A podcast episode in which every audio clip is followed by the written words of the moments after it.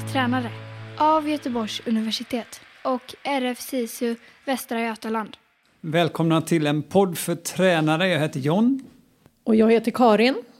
Vi fortsätter på kosttemat del två med eh, Tobias TC Kristensson. Och det här ska handla om ett framgångsrikt kostbeteende. Och vad är då det? Nu finns podden på sociala medier. Där uppdaterar vi om ämnen som vi tar upp, forskning, utbildningar, seminarier, livepoddar och annat som rör dig som tränare. Gå in och sök på en podd för tränare. Ja, då finns det en eh, vetenskaplig modell för detta och det finns olika element som man då har kommit fram till som eh, eh gynnar ett framgångsrikt kostbeteende. De här tre är kunskap, motivation och förutsättningar. Och de innebär egentligen att eh, du kommer inte speciellt långt om du har stor kunskap men inte är motiverad och dessutom kanske har dåliga förutsättningar. Det kan vara att du inte har tillgång till eh, skollunch eller att klubben inte lagar mat eller vad det kan vara. Å andra sidan så finns det de idrottarna som har låg kunskap, hög motivation, eller inte alltid hög motivation, men väldigt bra förutsättningar. Vi skulle kunna ta exempel, en, låt säga här då en, en allsvensk fotbollsförening. Ofta så är de väldigt bra att skapa bra kostförutsättningar, att liksom främja bra kostbeteende de tillrättalägger mycket för spelarna. De kanske serverar frukost och lunch, kanske även återhämtningsmål och så vidare. Så de skapar väldigt bra förutsättningar. Men spelaren kanske många gånger skiter fullständigt i vad de stoppar i sig för att de kanske saknar kunskapen. Och samtidigt så har vi andra exempel. Jag har ju föreläst under eh, och utbildat under, eh, under många år eh, för idrottande ungdomar och för, för andra grupper och ledare och så vidare föreläsningen som verktyg är ganska ineffektiv om de andra elementen saknas. Och i min erfarenhet så är det det här parametern kan man säga, förutsättningar som är det som saknas. Och i det kan vi då lägga ekonomi till exempel som en faktor. Vi kan ha exempel eh, tid som de här, eh, många av de här eh, RIU-studenterna, Riksidrottsuniversitetet, de som elitsatsar, samtidigt som de studerar hårt. Det är hög, högambitiösa individer men de saknar helt enkelt tid för att lägga det här pusslet för att uppnå den här kontinuiteten eller den här träningen och matcha liksom energiintaget. Sen finns det ju andra eh, faktorer i detta också. Eh, till exempel då föräldrarna. Men också skills, alltså matlagningskunskaper. För du kan ha väldigt bra teoretisk kunskap men då sakna förutsättningar för att ens kunna koka ett ägg eller slänga ihop en pastarätt eller vad det kan vara. Så de tre faktorerna, eh, kunskap, motivation, förutsättningar, måste till för ett framgångsrikt kostbeteende. Här, hos individen, när jag jobbar individuellt, så försöker jag kartlägga vart finns bristerna för den här individen. Vilka element eller ska vi förstärka och försöka jobba på? Så det är så jag försöker göra. Mm. Jag upplever, jag har jobbat en del med, med yngre utövare på gymnasienivå och där upplever jag att eh, dels att det finns en påverkan från samhället men också från föräldrar som också är påverkade av samhället och jag har haft eh, elever som eh, är högpresterande och har en hög träningsbelastning men när man frågar dem hur de äter så säger de att de äter jättenyttigt. Och eh, då har de någon slags kostprogram tillsammans med sin mamma där de äter på kvällarna efter träningen så är det en grov brödmacka och sallad för det är nyttigt. Och det där känner jag att jag möter väldigt ofta att man, man, man tänker sig att ju mer man tränar ju nyttigare ska man äta. Och så har man det nyttiga, det är ju det Livsmedelsverket eh, har som rekommendationer. Eh, och där har ju föräldrarna, eh, kunskapen hos föräldrarna för vad, liksom, vad som krävs när man är högbelastad. Hur den funkar så att säga. Har du erfarenheter av det eller vad liksom? Ja, definitivt så. Jag menar, den informationen en förälder möts av är ju eh, samhällets hälsobudskap kan man säga. Att vi ska hålla nere energiintaget. Att vi ska äta sunt, vi ska bygga en måltid kring mycket grönsaker, frukt, och så vidare och så vidare. Inte äta för mycket energitäta livsmedel. Men det är som du är inne på Karin, det är, det är inte nyttigt för en eh, högpresterande elitidrottare till exempel. De måste vara mycket mer offensiva med sitt energiintag och framförallt då kolhydratintag egentligen för att matcha den här stora belastningen. Och jag kan tänka mig, jag vet jag, i tidigare avsnitt så har ni diskuterat eh, dropouts. Det är säkert, ja, det är, och det är många faktorer som leder till att er ungdomar till exempel inte orkar med. Jag kanske är själv en sån som inte orkade med att studsa upp kan man säga till högsta svenska nivån igen.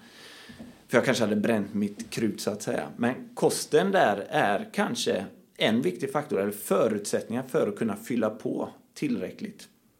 En faktor. För träningen blir inte lika rolig om du inte orkar med den. Om du dessutom inte utvecklas från träningen du lägger ner så blir det liksom inte, det blir inte speciellt roligt att hålla på och lägga ner den tiden som krävs om du inte får resultat. Så man kan säga att om man är en idrottsgymnasieelev så har man inte råd att tycka att skolmaten är äcklig. Nej, precis. Och det är ett budskap jag har många gånger under mina utbildningar. Ät! Pilla i er ändå liksom. Och jag märker ju de här tendenserna hos min son som fortfarande går på, heter det lågstadiet? Fortfarande? Ja, grundskola, eller vad säger man? Ja, men lågstadiet. Ja, lågstadiet. Ja. Ja, men han måste pilla i sig. Han kör stenhårt fotboll på rasterna med sina kompisar. Har inte många kvällsträningar liksom. Men jag vet ju att hans belastning är hög ändå. Han har inte råd att bara pilla i, i en knäckemacka på lunchen till exempel. Men det där är också när belastning kontra hur mycket man ska äta och sådär. Eh, om vi liksom flyttar upp en nivå då, då och så säger vi att vi har en av världens bästa triatleter, en uthållighetsidrottare som tränar extremt mycket i alla sina tre moment i triathlonet. Det är ju en, eh, en individ som elitidrottar och har en hög belastning. Och så tar vi en division 1-spelare eller en allsvensk spelare i fotboll som ju också har hög belastning, en elitidrottare som tränar mycket. Ska de äta lika? Nej. Av den enkla anledningen egentligen att det är, det är en linjär korrelation mellan mängden eller volymen uthållighetsarbete och energibehov. Och där är det ju vilt skilda liksom, sporter. En triatlet med en låt säga allsvensk manlig fotbollsspelare. Eh, och i träningstimmar så att tränar en triatlet säkert långt över dubbelt så många träningstimmar i uthållighetsträning. Så de har en helt annan energibudget och omsättning att, att röra sig med. Och matchar de inte det så kommer de inte hålla över tid. Mm. Punkt slut egentligen. Men pratar vi om att de behöver lägga en extra potatis på tallriken vid varje måltid eller pratar vi liksom gigantiska mängder mat?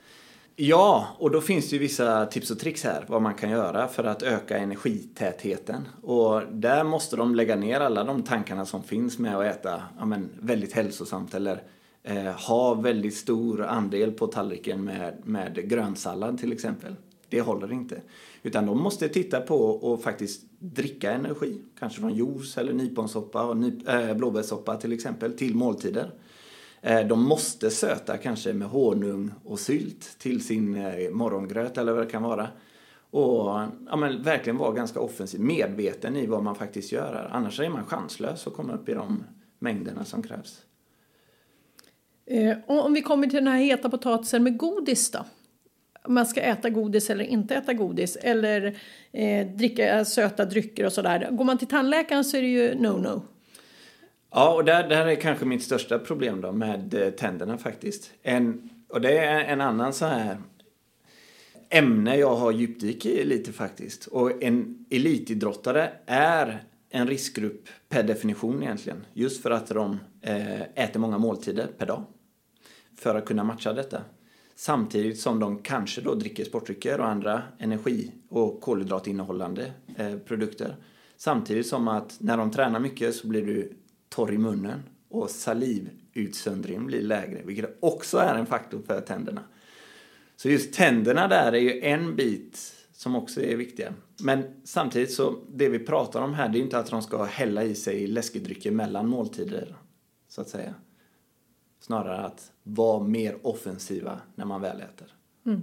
Vi har ju från svenska idrottsrörelsen så finns det det finns det här klassiska om eh, du nämnde i tidigare avsnitt eh, tallriksmodellen. Vi är utbildade i det, vi får det via hemkunskap i skolan, vi får det via våran Bamba-mat som är alltså maten barnen får i skolan. I Göteborg så säger vi Bamba. Och då, samtidigt så finns det en stor rörelse har funnits med kosttillskott, allt från proteinpulver till vitamintillskott. Eh, där det finns väldigt, väldigt få, ska man säga, få bevis, det är väl det bästa. F liten vetenskap om, om det verkligen gör skillnad och så vidare. Där, ja, det, min uppfattning av allt man läser är att tallriksmodellen räcker. Allt annat är big companies som making a lot of money på tillskott. Är det så eller? Det finns en jättestor riktighet i det och, och det har gjorts väldigt intressanta undersökningar vem det är som köper tillskott till exempel. Och den stora majoriteten av de som köper, det är de som inte behöver det. Och de som behöver det köper inte. För de är inte intresserade, de nås inte av den kunskapen. Eller kanske inte har råd. Mm.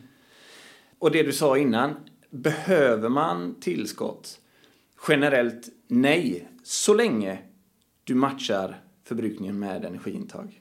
Det är först egentligen de som börjar eh, reducera sitt energiintag. De har risk för olika brister.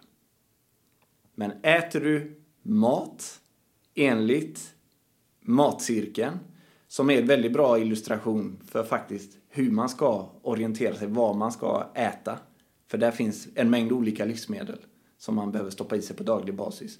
Och där är oftast budskapet att vara, eh, kan man säga, vid i sitt eh, kostintag. Så att man får en mångfald av olika näringsämnen, en mångfald av olika livsmedel. Då pillar du ihop totalen. Det som är viktigt här, det är att det är, eh, behovet av näringsämnen är inte linjär, alltså det är inte en linjär korrelation mellan näringsbehov och träningsvolym.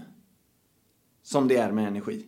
Det innebär att en elitidrottare, den här triatleten till exempel, har så våldsamt stor energibudget och eh, näringsbehovet ökar inte i samma, samma omfattning kan man säga. Och det innebär egentligen att en fotbollsspelare eller kanske då andra typer av idrottare som inte har den här stora energiförbrukningen har mindre energibudget och måste tänka mer på kvalitet. Så när du pratar om energi, det är alltså totala mängd jag behöver kalorier mer eller mindre. Och när vi pratar om näringsbehov, näring, då pratar vi om Vitamin. vitaminer och nyttiga saker. Alltså att jag behöver tänka på. Vi var inne på den här trenden för du pratade om sockret, äh, fettet som skulle reduceras. Eh, och sen så kom det en stor trend med, eh, med det skulle vara mycket fett och bra fetter men det skulle vara inget socker Eh, det senaste. Så, så har vi går igenom sådana faser i samhället de senaste åren. Men du pratar om energi. Nu i två avsnitt så har du, du pratat om energi. att ah, Det viktigaste är totalen, alltså att du äter eh, och får i dig. Snarare än, än det här socker, fett, protein. Ja, ja, både och. Jag skulle säga att det är kolhydrater som näringsämne för en elitidrottare är superväl etablerat ända sedan 60-talet att det funkar för högintensiv ansträngning och prestation. Så det är ingenting som har förändrats där egentligen. Däremot har det, vad ska vi säga, elitidrotten har nåtts av influenser där du, där du kan träna med låga kolhydratförråd och kanske då ha en ökad anpassning till träning. Men det jag brukar ta upp i mina föredrag till exempel, det är att så fort du börjar ta bort livsmedel från din ordinarie kosthållning, då är du under stor risk att äta för lite och fastna i det här tillståndet negativ energibalans. Och då uppnå det som är väldigt hett just nu, det man kallar energitillgänglighet eller låg energitillgänglighet. Och det är då liksom det kommer påverka kroppens förutsättningar för att kunna anpassa sig till träning och uppnå kontinuitet. Om jag nu är elitidrottare, eller tränar någon elitidrottare, där kontinuitet finns och eh, för att få det höga energibehovet. Men jag har en väldigt svag eller dålig variation på vad jag äter. Är det ett problem då? Eller är det, du pratar om kontinuitet och energi. är, är variationen en faktor, det vill säga att jag äter olika typer av mat? Det gör man ofta. Alltså många gånger en elitidrottare, för att få in fem sex måltider på daglig basis, då tror jag du måste ha element av repetition och äta samma saker. Jag tror det blir väldigt, väldigt svårt annars. Men, men det också finns sådana här eh, väldigt intressanta undersökningar där man har jämfört till exempel den japanska kosthållningen mot den brittiska kosthållningen. Och det brukar man ange då som en, en faktor till att japanerna har världens längsta medellivslängd. Det är att de äter många olika livsmedel. Och att medeljapanen äter 30 olika livsmedel per dag, kanske 100 per vecka. Jämfört då med den brittiska kosthållningen där man äter 30 per vecka. Alltså väldigt smalt ätande. Och då ökar risken att du inte får i dig tillräckligt. Men som jag, som jag varit inne på tidigare här, för en elitidrottare, om de äter mycket, äter mycket mat, eh, så kommer bara den här, det kommer vara tillräcklig variation att få i sig alla näringsämnen. Så länge du äter allting. Sen finns det ju också elitidrottare som numera eh, kan man säga är lutade åt en vegetarisk kosthållning. Kanske till och med en vegansk kosthållning. Och jag tror stenhårt på att eh, man kan prestera på världsnivå och vara vegan till exempel. Alltså att man har uteslutit allt från djurriket och bara koncentrerat sig på en växtbaserad kosthållning. Men det kräver stor kunskap. Oftast de som lyckas att kunna prestera ändå har oftast ett väldigt starkt supportteam som vet vad de håller på med. Vet hur man ska kompensera för de bristerna som finns i en vegansk kosthållning. Ja, där tänker jag, där, där är ju de här tre som du pratar om, eh, kunskap eh, och motivation och eh, vad man har för eh, liksom, möjligheter eh, att, att utöva det här. Eh, och jag tänker, det finns ju fallgropar liksom i alla tre. Eh, men kunskapen måste ju på något vis, för även om man har väldigt hög motivation så krävs det ju att man har någon slags kunskap i botten för att kunna nå upp till det man vill i motivationen. Eh, och eh, det är klart, det finns ju kunskap att få på många olika håll och förhoppningsvis kanske man har en tränare som har en viss kunskap eller som kan vägleda och så vidare. Men jag tänker om man nu sitter där och tänker att ja, men jag vill ha mer kunskap om det här. Ska man läsa vetenskapliga artiklar? Finns det böcker? Vad, vad är det? Var hittar man det? Då kanske jag har fel person att, att, fråga för eh, där finns det ju sådana här sökmotorer som heter PubMed till exempel. Och då öppnar du en, en dörr till en värld av vetenskapliga artiklar och det är där jag hänger mycket. Men där, där är jag väl inget jättebra råd egentligen vart en idrottare inhämtar sin information. Det är oftast en fråga när jag jobbar individuellt med en elitidrottare. Ställer jag den frågan. Har du tidigare arbetat med en kostrådgivare eller dietist? Har du tidigare, eller vart får du din information ifrån? Och då är det väldigt sällan man får eh, svaret att de, ja, men jag läser en bok om detta. Mm. Utan det är oftast från en föreläsare eller utbildare eh, som kommer och så eh, presenterar kostbudskap kan man säga. Så mm. där är väl eh, insteget egentligen, eller introduktionen till idrottsnutritionen. Det är oftast genom en en föreläsning eller en utbildning någonstans. Och då kommer motivationen för att man blir nyfiken och, och går vidare kanske? Jag tror de som har en ambition med sin idrott är motiverade. Mm. De förstår att det, är, det här med kosten är ett element som jag måste kanske förbättra mig om jag mm. vill bli bättre. Mm. Ja, utbudet kanske egentligen är större för tränare. Jag menar, vi har ju kurser både på universitetet för tränare i de här ämnena eh, och även på på RFC så har du utbildningar för tränare men det finns kanske inte så där jättemycket utbildningar för eh, de aktiva eh, direkt. Och där, och där får jag oftast eh, svaret från individer att föreläsningar och presentationer och så vidare är alldeles för generella. Mm. Det är oftast på bebisnivå man täcker egentligen de absoluta eh, ja, basala eh, kunskapen kan man säga täcker det. Och det är inte tillräckligt sportspecifikt eller en, en föreläsning kan, kan liksom eh, svepa brett över triatletens behov och eh, fotbollsspelarens behov mm. till exempel. Ja, jag tänker att eh, om du lyssnar på en föreläsning så rättar ju inte föreläsaren föreläsningen efter hur din verklighet ser ut. Eh, det spelar ju ingen roll om du får reda på att du behöver äta mer om du inte har förutsättningarna att äta mer. Du behöver ju hjälpen i att skapa den miljö och den vardag som fyller behoven eh, för det du faktiskt vill utsätta kroppen för. Ja, och, och därmed om vi, om vi är inne i elitidrotten här så tror jag en klubb eller um, vad som helst kan hjälpa en utövare supermycket genom att förse dem med en extra måltid per dag. Mm. En matlåda eller eh, en liten slant att faktiskt eh, gå och köpa en lunch till exempel. Det är otroligt mycket värt för att liksom kunna bocka av den. Vet att man får, kan få i sig en, en bra lagad måltid till exempel så du kan checka av den. Då ska jag ställa en fråga som nu blir den svår att svara på. Jag tänker som tränare, vi har pratat i många avsnitt om hur mycket en tränare ska kunna och eh, att man måste navigera i det och välja. Nutrition är ju en av alla delar. Trots att, eh, men om vi pratar elitidrott, vi är alltså tränare på elitidrott kan inte allt och måste prioritera. Om jag skulle fråga dig då som jobbar med detta, hur viktigt är det? Är, om du försöker reflektera över det, för uppenbarligen tycker du det är viktigt och har viktigt liv åt detta. Men om, om man är som tränare på elitnivå, var, var ska man lägga nivån? Vad tycker du om du reflekterar? Liksom?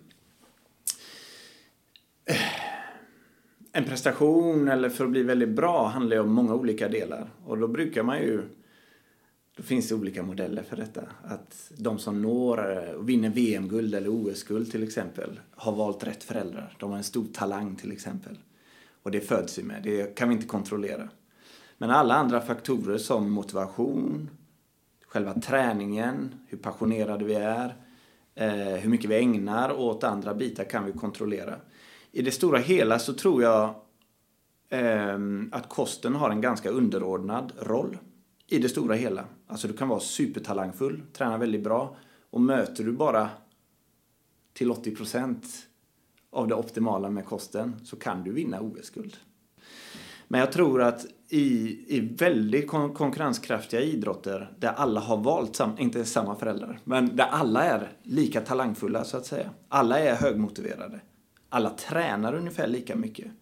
Då kan det ju bli en sån här marginal gain, att du faktiskt också har vävt in det här elementet med kost.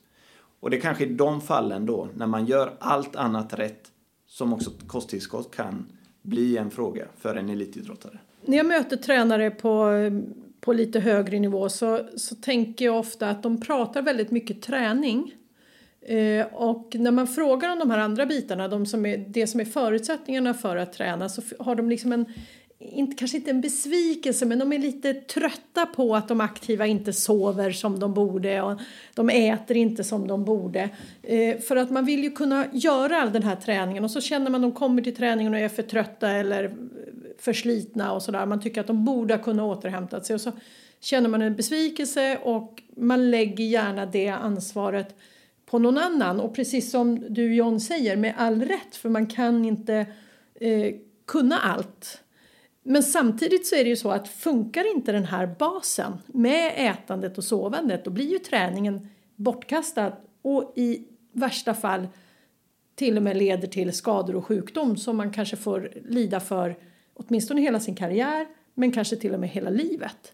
Så det går ju liksom inte att ta ner vikten av de här ämnena för annars är ju allt det vi som tränare vill hålla på med med belastningen, det blir bortkastad. Mm. Men det är här jag menar att, det, att det, en tränares roll, eh, hur de kan hjälpa utövaren, det är genom det här trafikljussystemet. Mm. Förbered på det röda passet. Sov dåligt. Eller så bra menar jag. Ät bra, var förberedd för det här kommer bli knallhårt liksom. Kan en, en tränare hjälpa utövaren att också reducera antalet tillfällen där du faktiskt måste vara noggrann och förberedd så tror jag det är bra i det långa loppet också. För det är svårt att vara laddad för en, en VM-final varje dag i veckan. Det går inte. Man kan vi välja ut och ofta så har man ju en periodisering kanske där man väljer ut tisdag, torsdag, lördag eller tisdag, torsdag, söndag till exempel som är nyckelpass. Och bara där så har ju en ledare egentligen gett utövaren eh, men lite mer ägandeskap för hur man ska förbereda sig, både mentalt och de andra bitarna med sömn och kosten. Tack så mycket. Vi tar med oss det. Tack för att ni har lyssnat. Det här är en podd för tränare.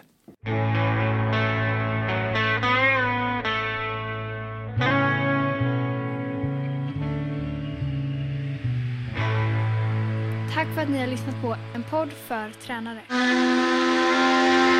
Nu finns podden på sociala medier. Där uppdaterar vi om ämnen som vi tar upp, forskning, utbildningar, seminarier, livepoddar och annat som rör dig som tränare. Gå in och sök på en podd för tränare.